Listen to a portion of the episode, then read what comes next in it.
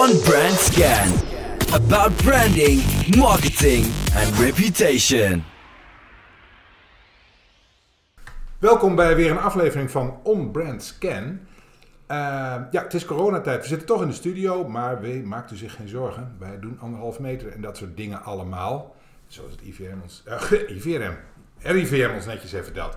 Uh, ik ben Stef Heuting, jullie hosten deze podcast. We hebben vandaag wederom, en zoals altijd, en dat zeg ik ook altijd, maar dit keer meen ik het echt een bijzondere gast. Tjada Molenaar. Zij studeerde econometrie, een studie die ik al niet begrijp bij hoofdstuk 1. En heeft allerlei bestuursfuncties. U moet even kijken naar het cv, het is ongelooflijk. En inmiddels is zij directeur van de Nederlandse Vereniging voor Participatiemaatschappijen. Naast mij zit ook nog Maarten Halsema. Hij is er voor de intelligentere vragen. Dus ik mag lekker met de domme vragen beginnen. Maar ik begin even hartelijk welkom in deze podcast. Ja, um, ik weet niet wat dat is. Een Nederlandse Vereniging voor Participatiemaatschappijen. Dat moet je eerst even uitleggen. Ja, wij zijn de, de Nederlandse Vereniging van Participatiemaatschappijen, de NVP kortweg, dat is spreekt makkelijker. En wij zijn de brancheorganisatie van participatiemaatschappijen in Nederland. En participatiemaatschappijen zijn investeerders in niet beursgenoteerde bedrijven. Dus onze leden verschaffen risicodragend vermogen of aandelenkapitaal aan bedrijven die niet aan de beurs genoteerd zijn en die vaak een interessant plan hebben. Dus ze willen innovaties naar de markt brengen, of ze willen groeien, internationaliseren. Misschien willen ze ook nog wel overnames doen. En dat kunnen ze niet met hun eigen geld of alleen met geld van de bank. En dan gaan zij op zoek naar risicodragend vermogen. Dus naar een participatiemaatschappij. En hoeveel leden hebben jullie? We hebben zo'n 90 leden. En dat zijn partijen uit binnen- en buitenland. Maar wat ze gemeen hebben is dat ze dus investeren in Nederlandse bedrijven. En uh, er kunnen um, partijen bij zijn die het kapitaal op hebben gehaald bij institutionele beleggers, zoals pensioenfondsen, verzekeringsmaatschappijen. Maar het kunnen ook partijen zijn, vaak iets kleiner, die geld hebben verzameld bij uh, families, bij vermogende particulieren en uh, ook soms bij overheden. Vooral als het gaat om fondsen die bijvoorbeeld in innovatieve bedrijven investeren, is de overheid vaak een belangrijke belegger. Oké, dat is wel duidelijk. Um, um, wij doen deze podcast altijd aan de hand van een stelling. En daar begin ik dan ook maar even mee. Dan hebben we tenminste iets om over te praten. Um, wij hebben gesteld, er is te weinig aandacht voor reputatie bij nieuwe participaties. Wat is daarop jouw reactie? Nou, dan zou ik eerst nog wat licht willen schijnen op hoe zo'n participatiemaatschappij eigenlijk werkt. Want wat je doet is, uh, je zoekt een bedrijf waar je niet alleen kapitaal in gaat investeren, maar je maakt samen met het management ook een plan. Zoals gezegd, om te groeien, te internationaliseren of nieuwe producten naar de markt te brengen. En daarvoor heb je over het algemeen vijf tot zeven jaar nodig. En je komt als investeerder dus niet alleen met je kapitaal, maar ook met je netwerk, met je eigen ervaringen, met mensen uit je omgeving die je bij die bedrijven gaat betrekken. Dus behalve dat je kijkt naar of dat bedrijf een goed businessplan heeft en of je denkt dat het het financieel gaat redden, moet je ook nog graag met elkaar willen werken. En daarbij is reputatie enorm belangrijk. En dat geldt twee kanten op. Zowel de ondernemer kijkt naar die investeerder. Dan kan ik met deze personen hè, vijf tot zeven jaar door een deur. In goede en in kwade tijden. En ook als het echt tegen zit, wat gaat er dan gebeuren? Dat vraagt die ondernemer zich af. Maar die belegger die achter het fonds zit, vraagt hetzelfde aan de fondsmanager. Kan ik al die tijd dat ik in het fonds belegd ben ervan op aan dat deze fondsmanager goed met mijn geld omgaat? En de fondsmanager kijkt naar de ondernemer waar die in investeert en denkt, nou, gaat deze persoon en het team daaromheen ervoor zorgen dat het bedrijf succesvol wordt en dat ik het over vijf tot zeven jaar weer kan verkopen. Ja. En, en Tjada, even voor de duidelijkheid, hè? een fondsmanager is werkzaam bij de participatiemaatschappij en managt een, een, een fonds, een portefeuille aan bedrijven. Moet ik dat zo zien? Ja, de fondsmanager is zowel verantwoordelijk voor het ophalen van het kapitaal bij beleggers, hè, waarvoor die dus een plan maakt waar die beleggers iets in moeten zien wil ik in dit soort bedrijven investeren? Wil ik uh, internationaal of regionaal? Wil ik in deze sectoren? Daar moet die belegger wat in zien. Dus die fondsmanager moet dat plan overtuigend weten te brengen.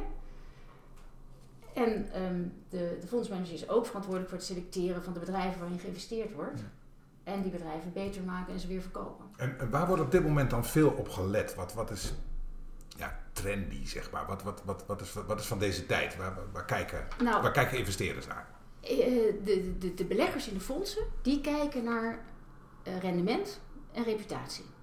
En Anders hoe kijken ze naar reputatie? Want dat interesseert ons natuurlijk. Dat rendement begrijp ik dan wel. Oké, dat zal een percentage zijn. Dat kan je. Ja. uitrekenen Ja, en dan kan je terugkijken Ja. enzovoort. En dat zal gunstig zijn, want de rente is laag. Dus, je wil, eh, Ja. dus, eh, dat snap ik allemaal. Nou, beleggers willen eh, dat hun geld op een goede manier wordt beheerd. En zij willen, naast dat er een rendement uitkomt, niet in verlegenheid gebracht worden door de manier waarop dat geld wordt verdiend.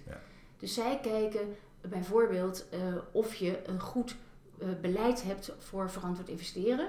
Of je dat beleid ook uitvoert, of je het monitort en of je daarover rapporteert. En dan gaat het vaak over drie elementen. En in onze sector wordt het dan ESG genoemd. Dus environmental, social en governance aspecten. Dat is waar de belegger naar kijkt. Maar dat zijn lastige dingen om te meten. Toch? Of, Nou, of wordt, het wel, kan- wordt het wel gedaan? Er, er is een enorm debat over hoe je dat dan precies meet. En vooral als je investeert in MKB-bedrijven, eh, of je dat allemaal wel kan meten. Maar wat eh, in de praktijk veel gebeurt, is dat je heel concrete doelstellingen formuleert. Je kan niet alle elementen van de E, de S en de G eh, uitvoeren in een klein bedrijf, maar je kan wel kiezen. Dus je kan wel zeggen, ik wil in ieder geval dat het energieverbruik gedurende mijn investering teruggaat van dat naar dat. Of dat we overgaan op duurzame energie voor zoveel procent van het gebruik.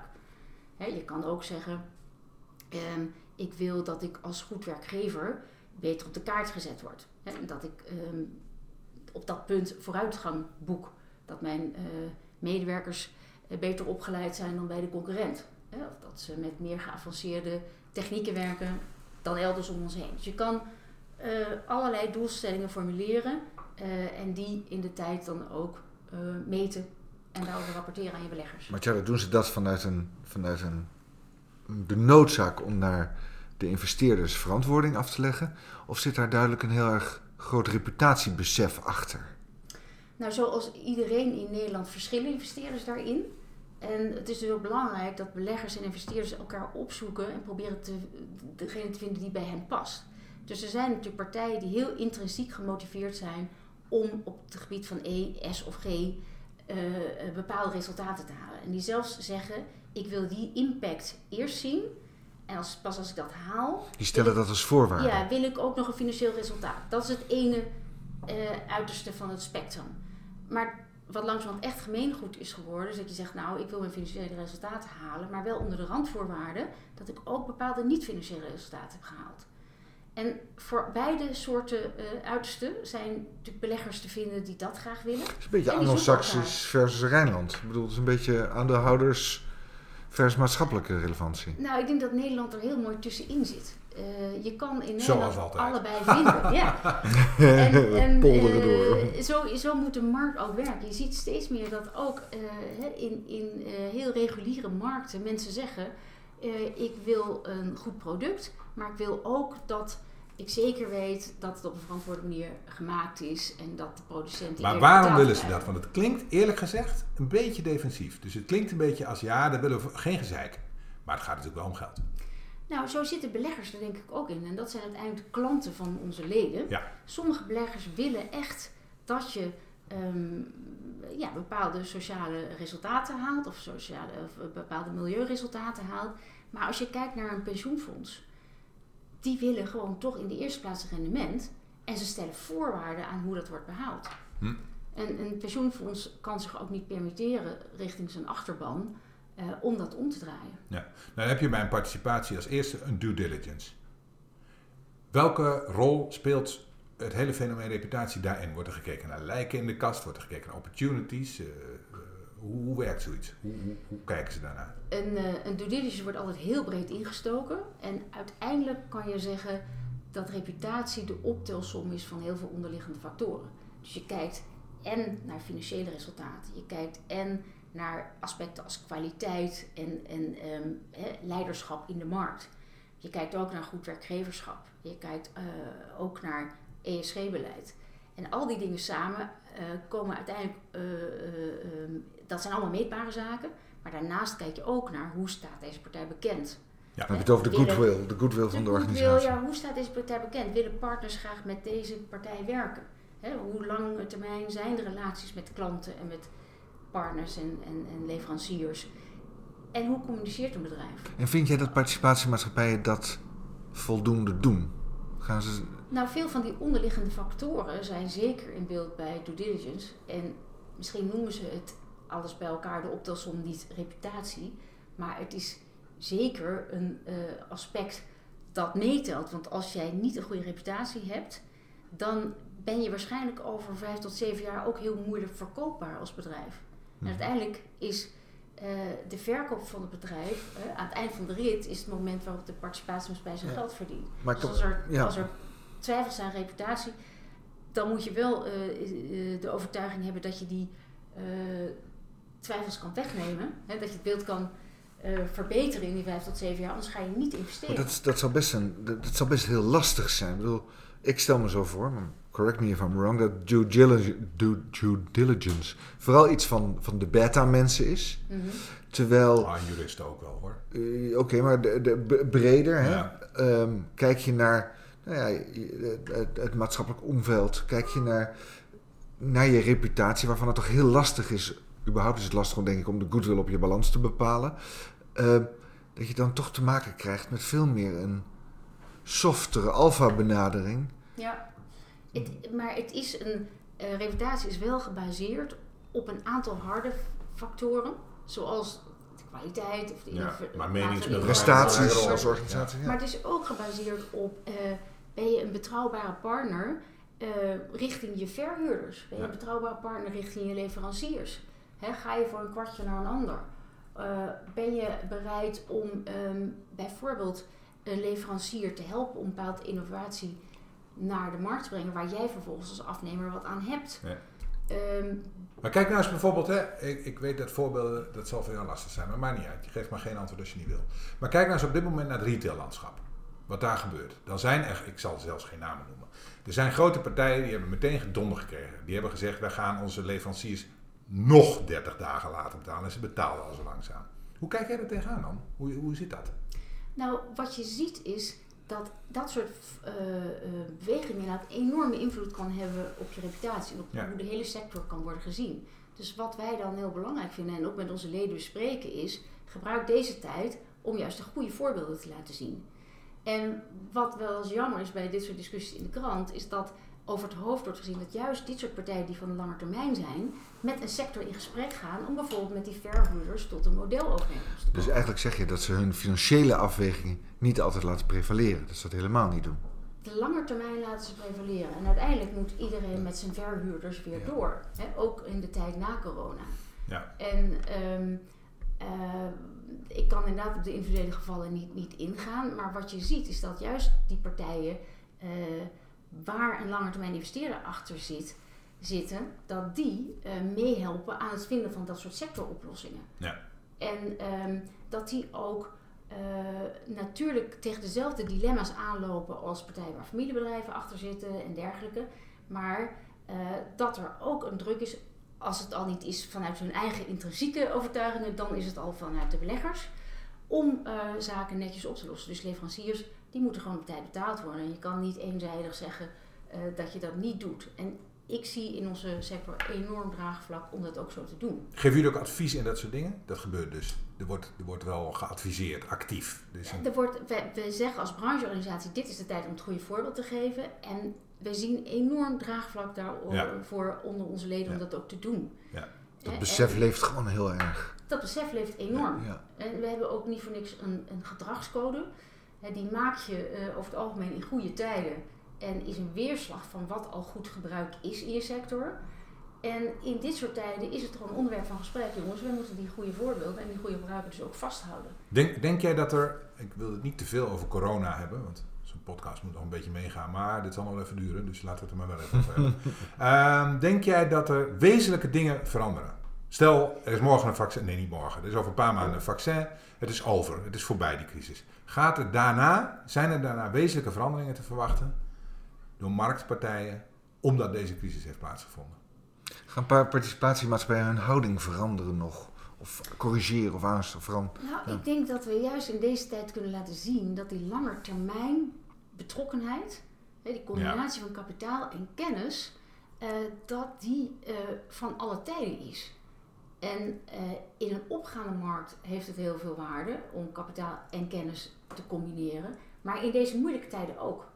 En als je ziet wat nu participatiemaatschappijen aan het doen zijn met hun, de managementteams van hun bedrijven, ze zijn natuurlijk met al die bedrijven in gesprek over hoe kan jij nu de komende paar maanden overleven. Eh, maar wat gaat er met jouw businessmodel gebeuren in de periode daarna? Zij hebben bij uitstek een netwerk om die bedrijven heen gebouwd waarmee je die gesprekken ook eh, kan aangaan. En ze hebben kapitaal in kas om waar dat nodig is, eh, die bedrijven door de winter te helpen.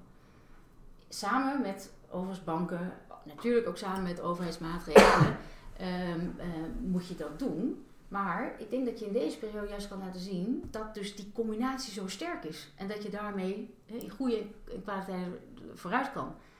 Gaan er daarna dingen veranderen? Ik denk in essentie aan dit model eigenlijk niet. Ik denk dat het gewoon zijn waarde gaat bewijzen.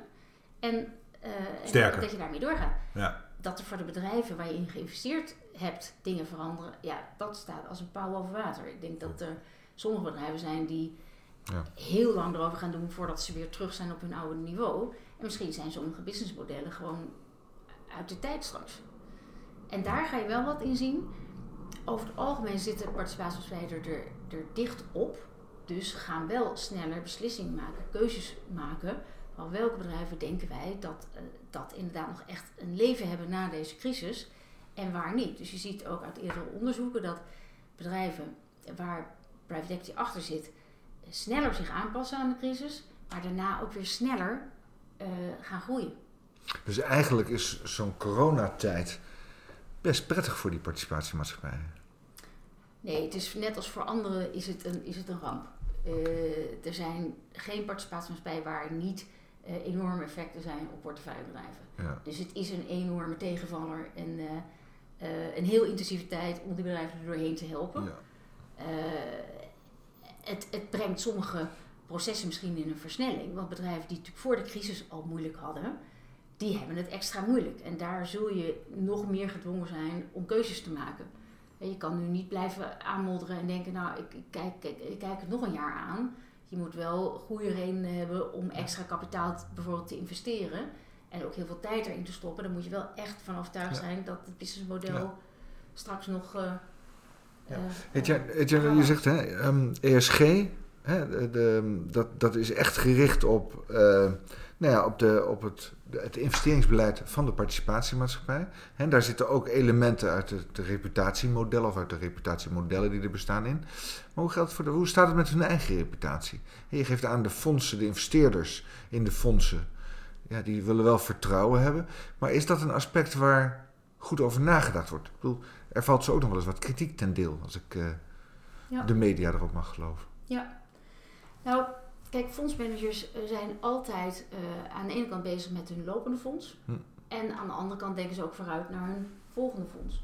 En ze weten dat ze dus die combinatie van rendement maken en een goede reputatie uh, houden, moeten bewaken. Dus als je met je bedrijven nieuwe producten introduceert, maar ook als je bijvoorbeeld efficiëntieslagen wil maken, moet je altijd die twee dingen in de gaten houden. Ja, misschien een beetje een gewetensvraag, maar wat prevaleert op het moment dat je een prachtig rendement kan halen, uh, wat nog wel eens schadelijk kan zijn voor je reputatie. Um, wat, wat prevaleert dan, nou, denk je? Schade aan je reputatie zul je altijd proberen te voorkomen. Um, en eigenlijk is dat ook vaak mogelijk. Partijen die direct met, bij processen betrokken zijn, noem bijvoorbeeld van een reorganisatie, die zul jij uh, heel goed bij zo'n proces moeten betrekken. En je zult het er samen over eens moeten zijn um, dat het op een gegeven moment noodzakelijk is, bijvoorbeeld om bepaalde bedrijfsactiviteiten af te bouwen, omdat je daarmee meer kansen creëert voor de delen die wel gezond zijn. Dus wat we bijvoorbeeld in het verleden ook vaak gezien hebben, is dat relaties onderhouden met de ondernemingsraad of met, met vakbonden, maar vaak is de ondernemingsraad mm. uh, de aangewezen partij, um, dat die heel erg belangrijk zijn en dat die door participatiemaatschappijen ook betrokken worden bij dit soort trajecten. Nou, wat je dan dus kan bereiken is dat hoewel de beslissingen op korte termijn voor een uh, aantal werknemers of aantal afdelingen heel negatief zijn, je op termijn toch een positief perspectief hebt voor het bedrijf. Ja. Mag je daar, daarmee, als ik, als ik zo mag interpreteren, dan mag je dus eigenlijk wel stellen dat een participatiemaatschappij een heel risicovol vak is. Als het gaat over je reputatie. Want in de regel heb je te maken met participaties waar wat aan de hand is. het is een risicovol vak omdat je met risicokapitaal werkt. Nee, maar vanuit Hè? reputatieperspectief. Maar hè? vanuit reputatieperspectief. ehm, eh, je bent uiteindelijk betrokken bij eh, beslissingen die het bestuur neemt. Hè. Dus het bestuur is uiteindelijk wel, het bestuur van de onderneming is degene die de beslissingen moet nemen, maar je hebt als aandeelhouder daar daadwerkelijk wel iets over te zeggen. In die zin ehm, heb je de upside en de downside. Hè. Je kan, eh, maar je hebt ook heel veel ervaring en kennis en een netwerk in huis om die risico's juist enorm te eh, managen, hè, om ze te beheersen. En het ja, beheersen van eh, hoe je erover communiceert en hoe je gedraagt, daar zit je als participatiemaatschappij natuurlijk heel dichtbij. Ja. Dus daar heb je ook heel veel invloed op. Eh, Hoe hoe is het, hoe is het gesteld met de reputatie van participatiemaatschappijen? Kun je daar iets over zeggen? Nou, we hebben afgelopen jaren natuurlijk een aantal keren een publiek debat gehad over Ja. die reputatie. en eh, wat we in de loop der jaren echt hebben geleerd is dat je eh, in zo'n debat moet opstaan en je gezicht moet laten zien. Ja. Hè, het was tot zeg maar 2012 zo dat veel eh, debatten over de financiële sector gevoerd werden over, door experts en door mensen die heel direct betrokken waren. En die mensen zijn eigenlijk over het algemeen heel positief over hoe de sector opereert. En hoe professioneel het is, hoezeer de belangen van partijen eh, gelijk gericht worden en wat je daarmee kan bereiken. En wat we de afgelopen jaren zien is dat een debat over de sector steeds breder gevoerd wordt. En dus ook populistischer. Hè, en eh, door veel meer mensen die wat verder van de sector afstaan en die dus ook minder natuurlijk daar minder over weten. Nou, wat wij daar, eh, van, eh, daarover hebben geleerd is, je kan dat beter beheersen door aan het brede publiek uit te leggen wat je doet. Ehm, maar ook door bijvoorbeeld openlijker over je gedragscode en over gedragsregels te zijn. En door eh, ook partijen waarvan gedacht wordt, oh die zullen wel minder aan bod komen, zoals bijvoorbeeld de ondernemingsraad, door die handreikingen te doen. Dus we hebben bijvoorbeeld eh, een boekje voor ondernemingsraden gemaakt om uit te leggen wat gebeurt er nou als er een bedrijf wordt overgenomen, in welke stappen gaat dat en wat kan de ondernemingsraad in elk van die stappen doen. Dus het is een combinatie die wij eh, doen van aan de ene kant veel meer communiceren, ook duidelijk uitleggen wat zijn onze standaarden en wat zijn onze best practices in een gedragscode.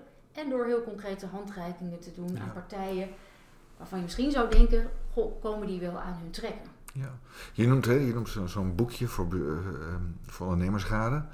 Ehm, ik kan me voorstellen dat er ook veel wantrouwen leeft. Ik bedoel, er zijn, hè, eh, ik neem bijvoorbeeld Heinz eh, overname van Unilever.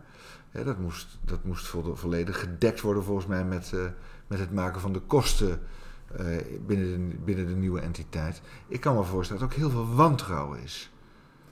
Nou, er is vaak wantrouwen als er onbekendheid is. En op dit specifieke geval is het lastig om, om in te gaan. Maar wat Ja. je ziet vaak is dat als een bedrijf van de beurs gaat, en dat was in dit geval eh, volgens mij de intentie, eh, dat men dan denkt van, oh jee, dan verdwijnt dat in de niet beursgenoteerde wereld en dan weten wij niet meer wat ermee gebeurt.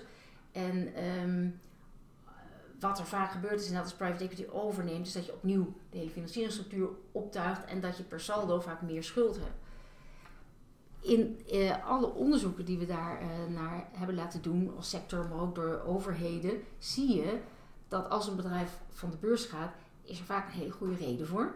Het heeft bijvoorbeeld moeite om zijn aandelenkoers op de beurs op peil te houden, of het heeft moeite met de, ehm, de, de waar je elke keer, elk kwartaal moet laten zien hoe ver je bent met bepaalde plannen. En als jij door een grote transformatie heen gaat, is dat vaak heel lastig om te doen. Want je wilt eerst stappen maken en dan pas die transparantie bieden. En zo zijn er vaak veel redenen die echt goed uitlegbaar zijn waarom je van de beurs wil. Als je daar ehm, ehm, uitleg over geeft, dan is het voor veel mensen veel beter te begrijpen. Nou, verder zijn er ook onderzoek gedaan naar wat gebeurt er nou als je die financieringsstructuur anders optuigt, maar je bent wel als aandeelhouders veel directer betrokken. Dan blijkt eigenlijk dat die bedrijven, ondanks dat ze meer leningen op de balans hebben, eh, niet vaker in problemen komen dan vergelijkbare bedrijven zonder private equity. Dus door het aanleveren van meer informatie en door onderzoek te laten doen, kan je ook heel veel van die zorgen wegnemen. Ja. En vervolgens moet je natuurlijk wel, als je dan een groot bedrijf bent en je bent niet meer beursgenoteerd, toch je wel als een groot bedrijf gedragen. Dus als er dan issues zouden zijn, nieuws over een organisatie of, of nieuws over wat dan ook, dan moet je wel opstaan en Ja. zelf Communiceren. communiceren. En dat is wat wij met onze leden ook echt hebben veranderd de afgelopen jaren. Dat grote bedrijven, grote portefeuillebedrijven die in het nieuws kwamen, dat niet alleen het bedrijf zelf daarover communiceert, maar soms ook de investeerder, om gewoon uit te leggen wat aan de hand is. En vaak is er dan ook een goed uitlegbaar verhaal. eh, Waarbij als je dat verteld hebt, iedereen denkt, ja oké, dan begrijp ik het ook eigenlijk wel. Ja. Ehm, we moeten naar het slot, want we zitten aan de tijd. Ehm, ik heb een, eigenlijk een soort slotvraag. Waarvan ik denk dat die moeilijk is om te beantwoorden, maar ik wil het toch weten. Waar liggen de meeste investeerders wakker van op dit moment? Kijk, top of mind is toch in een tijd van crisis dat je nadenkt over hoe ga ik met mijn huidige portefeuillebedrijf goed door de crisis heen. Eh, en hoe kan ik de plannen die ik ooit had gemaakt toch nog waarmaken? Dat Ja. is toch eigenlijk waar investeerders nu het meeste mee bezig zijn. En dan gaat het om die combinatie van toch nog een redelijk rendement maken op deze portefeuille. En dat ook op een eh, Maatschappelijk een verantwoord. maatschappelijk verantwoorde manier doen. Dus samen met banken, samen met de verhuurders, samen met de leveranciers en eh, met steun van overheidsmaatregelen op dezelfde manier eh, als andere bedrijven ook gebruik kunnen maken. Mag je dan- mag Dus dat, dat het behoud van je, van, van, van je rol in de economie, dat is toch eigenlijk waar het nu om draait. Mag je, dan, mag je dan stellen dat een grote zorg vooral de wendbaarheid is? Op dit moment? Kijken hoe je... Ja, wendbaarheid is ook een onderwerp dat is van alle tijden. En in een private setting is eh, wendbaarheid eigenlijk relatief makkelijk. Makkelijker dan in een transparante beursgenoteerde wereld. En je kan inderdaad in de beslotenheid van een private wereld, kan ja, je nu de Ja. balans opmaken, kan je een plan maken. Je hoeft niet nu elk kwartaal te vertellen waar je staat. Je kan nu zorgen aan het langetermijn plan bijstorten zonder dat je eigenlijk zeker weet hoeveel rendement je daar nog op gaat maken.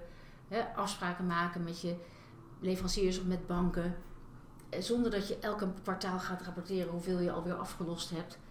In een private setting heb je nu juist de tijd om orde op zaken te stellen en je klaar te maken voor eh, wanneer de groei weer mogelijk is.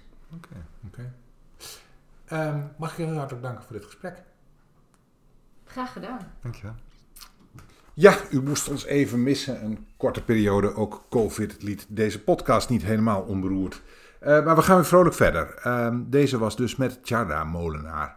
Eh, een leuk gesprek. Volg ons, abonneer, enzovoort, enzovoort. Deel deze podcast en luister de volgende keer vrolijk verder. Dag!